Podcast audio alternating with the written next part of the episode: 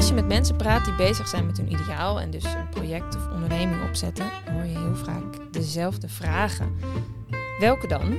We vroegen het aan jullie en we kregen allerlei prangende kwesties binnen. En in deze afleveringetjes van de podcast Hoe dan wel doen wij, Johannes en ik, Suzanne, ons best om die vragen te beantwoorden in de tijd die het duurt om een ijsje te eten in het park.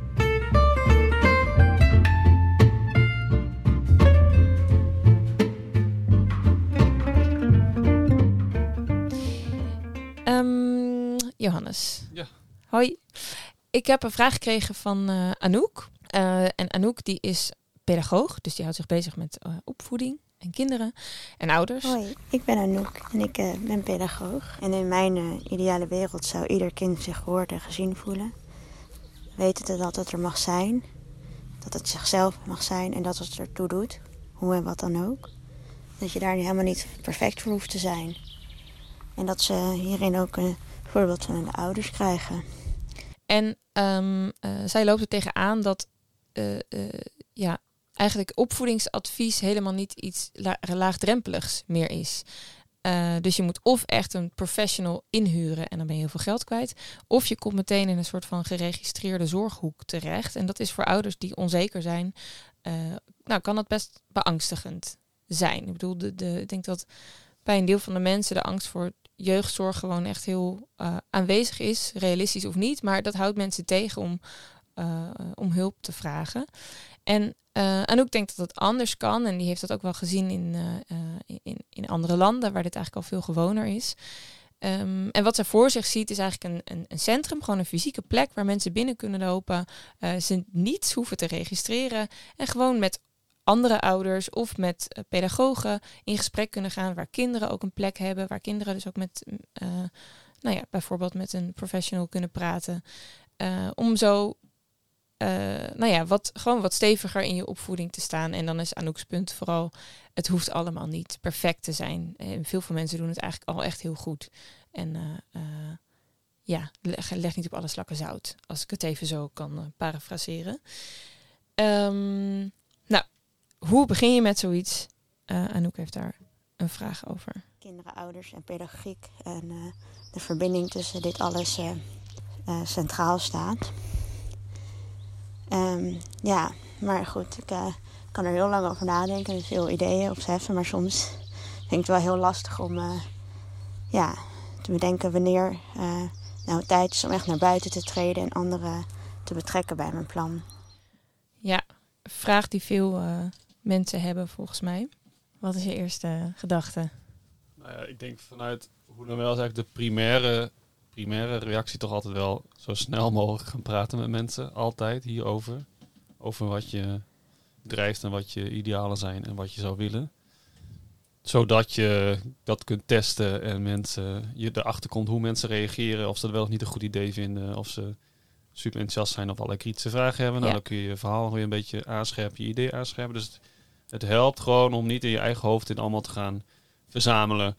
En ooit te denken, nou, nou is het helemaal compleet, nou ga ik naar buiten. Want dan wordt het eigenlijk veel spannender, omdat je dan nog helemaal niet weet hoe mensen gaan reageren. Dus, ja, je maakt de drempel eigenlijk veel hoger als je ja, het niet doet. Ja, en hoe, hoe meer perfect je met je hoofd hebt afgemaakt, hoe ver vervelender het ook wordt als mensen er wel kritiek op hebben. Want je dacht dat je het helemaal rond had in je hoofd. Ja, dus ja, dan de darlings die je dan moet killen worden echt uh, uh, heel groot. Ja, dus je kunt gewoon heel veel feedback gebruiken. Uh, dus, dat, dus dat wel, zeg maar, mijn eerste reactie gewoon wel zo, ja, ja. weer direct over praten. Ga Dit is gewoon een, een, een, ja. Ja, ja. Dus ja, blijkbaar ja. wat je bezighoudt. Dus blijkbaar hier wil je iets. Ja. Ik, ik, heb, uh, ik, heb, ik heb een tijdje aan de telefoon gehad en um, uh, zij, ik vroeg hier ook naar van, nou, is het, uh, praat je nog helemaal niet met mensen erover? Zij zei van, ja, dat, dat doe ik op zich wel, maar um, ik vraag mensen nog niet om, uh, ja, hoe zeg je dat? Om echt betrokken te zijn. En dan noemden ze als voorbeeld van, nou, ik geef dan nu wel eens uh, een soort online trainingen, maar ja, wanneer kan ik nou gewoon eens dat doe ik dan, dat doet ze dan voor de werk. Maar wanneer kan ik nou zeg maar vanuit mezelf een soort online training geven om eens te gaan aanvoelen waar liggen vragen van ouders eigenlijk. En ook zijn ze, zijn ze bereid om ervoor te betalen. Dus waar zit ergens eventueel nog mijn, mijn verdienmodel? Dus om een soort van naar buiten te treden, eigenlijk al met een soort eerste product of zo. dat is natuurlijk nog weer een volgend, eh, volgende stap. Ik, ik denk in elk geval zeg maar, dat, het, dat het op het moment dat het heel dicht in de lijn ligt van wat je doet, maar dan voor je werkgever. eh, en je gaat hetzelfde doen, maar dan wel een soort van in je eigen tijd. Maar, en dan niet voor je werkgever. Dan lijkt me het sowieso wel verstandig om dat met je werkgever goed af te stemmen. Ja, oké. Nee, ja. ja, nou ja, Ja, goed. nee, maar goed dat, wel, dat lijkt me wel om daar dus ook open kaart te spelen waarom je het doet en waarom je dat wil en, en et cetera. Dus iets, iets van, je, van je ideaal, dan moet je dan daarin ook gewoon vertellen. Dus daar open over zijn. Om daarmee ook gewoon ruimte te krijgen om dat te gaan doen. Ehm, eh, dus, dus zorg een beetje voor een mandaat of ruimte, zeg maar, dat dit mag. Ehm, zodat je ook vrij voelt, zeg maar, om daar eh lawaai Ja. voor te maken en op LinkedIn te plaatsen. Al die dingen, als je dat... Als het niet op LinkedIn kan staan, zeg maar, dat vind ik al wel een... Dat vind ik al, dan, dan, dan, als je het voelt dat dat, niet, dat dat niet de plek is, dan zegt dat denk ik iets over of je Ja. dit voldoende vrij bent om het ook te gaan doen. Ja. Dus dat zou ik wel een soort van... Ja, dus dat, dan is ergens misschien ook de vraag, als je heel erg twijfelt van, oeh, wanneer kan ik naar buiten? Eh, eh, dan is het ook wel goed om eens te gaan kijken, wat ligt daar dan onder? Ja. Waarom zou je, waarom Nou ja, en zou als dat dus een loyaliteitsding met je werkgever is, Ja. dan is dat iets wat je dus moet fixen. Ja, Maar het kan ook iets anders zijn, dat weet ik niet. Maar dan... Ja. Maar dat is gewoon als eerste de binnen. Denk, daar moet je iets, iets voor oplossen. maar en, dan, en, dan- en, ja. en dan is, denk ik, ja, eh, als, als je dat soort van... Daar de lichten voor op groen staan. Ja, eh, gewoon doen. Nee, ja, ik bedoel, Ja. gewoon online zetten. Een bedrag erbij doen. eh, van, waarvan je denkt van, nou, dit, dit, dit zou het toch moeten kosten.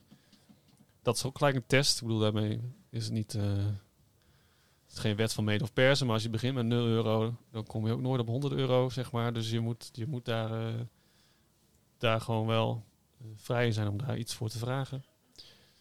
En dan kijken hoe, de, hoe, hoe er wordt, op wordt gereageerd. En dan niet denken, oh, dit is mijn grote coming out. Maar Ja. dit is gewoon stap in de richting van. Dat, maar dat is denk ik de clue. Dus ehm, ehm, waar mensen heel vaak blijven hangen, en dat is misschien ook wel bij, bij Anouk het geval, is dat je op zoek gaat naar wanneer is het goed genoeg. Of waaronder eigenlijk vaak ligt wanneer is het perfect. Eh, zodat ik ermee naar buiten kan. Maar eh, eh, nou, wat jij net ook wel aan het begin zei, dan loop je dus het risico dat je heel lang aan iets loopt te schaven zonder dat mensen de kans krijgen om er naar te kijken. En dan maak je dus eigenlijk ook geen gebruik van de, de, de bronnen die je in je omgeving hebt, van de hersenen van andere mensen en hun, hun ervaringen en gevoelens erbij, die jou gewoon kunnen helpen eh, als, als, als testcase. Ehm, dus als het gaat over wanneer treed je naar buiten, is het ook streef niet naar, naar perfectie, maar eh, je kan het wel opdelen in stapjes. Dus eh, je hoeft niet eh, meteen te gaan crowdfunden voor het perfecte pand in de binnenstand van een of andere, nou ja, op een of andere fancy plek. Ehm, ehm, maar bedenk, oké, wat, wat weet ik nog niet, wat ik wel moet weten? Hoe kan ik dat testen? En rondom dat testen hangt heel vaak ga, eh, ja, ga naar buiten, ga het naar buiten brengen. En als je het heel spannend vindt en het nog niet echt helemaal in het publiek durft te gooien, regel dan een klein clubje om je heen van mensen waarvan je gewoon weet, die zijn kritisch, snappen wel wat ik bedoel, weet je, ik hoef niet helemaal vanaf nul alles uit te leggen. En ik vraag hen om eh, op een paar momenten in mijn proces ehm, met me mee te denken. Dan heb je namelijk ook al een soort van je kleine clubje ambassadeurs om je heen verzameld.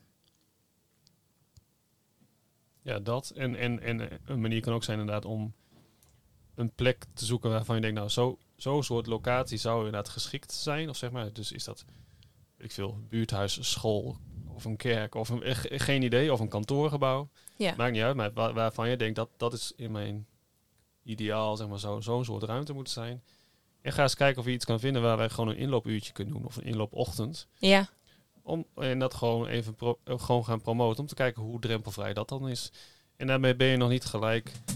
eh, hoe zeg je daarmee? Eh, Ben je nog niet. Ga je niet starten dus met, met je complete plaatje. Maar ga je ook gewoon dat uitproberen. Daar, daar, daar, ja, daar gaat eigenlijk weinig mis mee.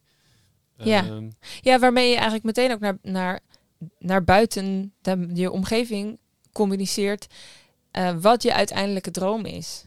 Want als je, dat is inderdaad wel het risico als je het knipt in stapjes zonder dat je erbij vertelt, uh, het is onderdeel van mijn denken over dit, dan uh, kunnen mensen je natuurlijk ook niet die kant op helpen. Omdat ze niet weten wat je eigenlijk voor ogen hebt. Dus het is helemaal niet gek om op een gegeven moment te gaan roepen. ik, ik, ik ben op zoek naar een, naar een pand. Maar dat kun je dus onderweg al wel onder, onderzocht hebben door inderdaad al op een plek iets van een inloop te gaan doen. Ja.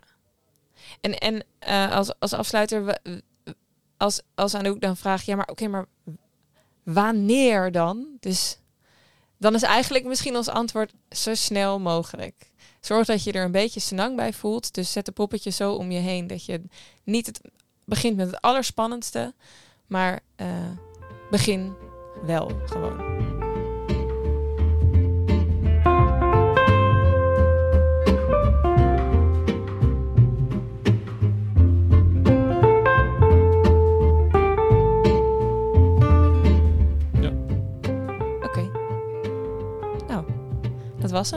Het ijsje is op.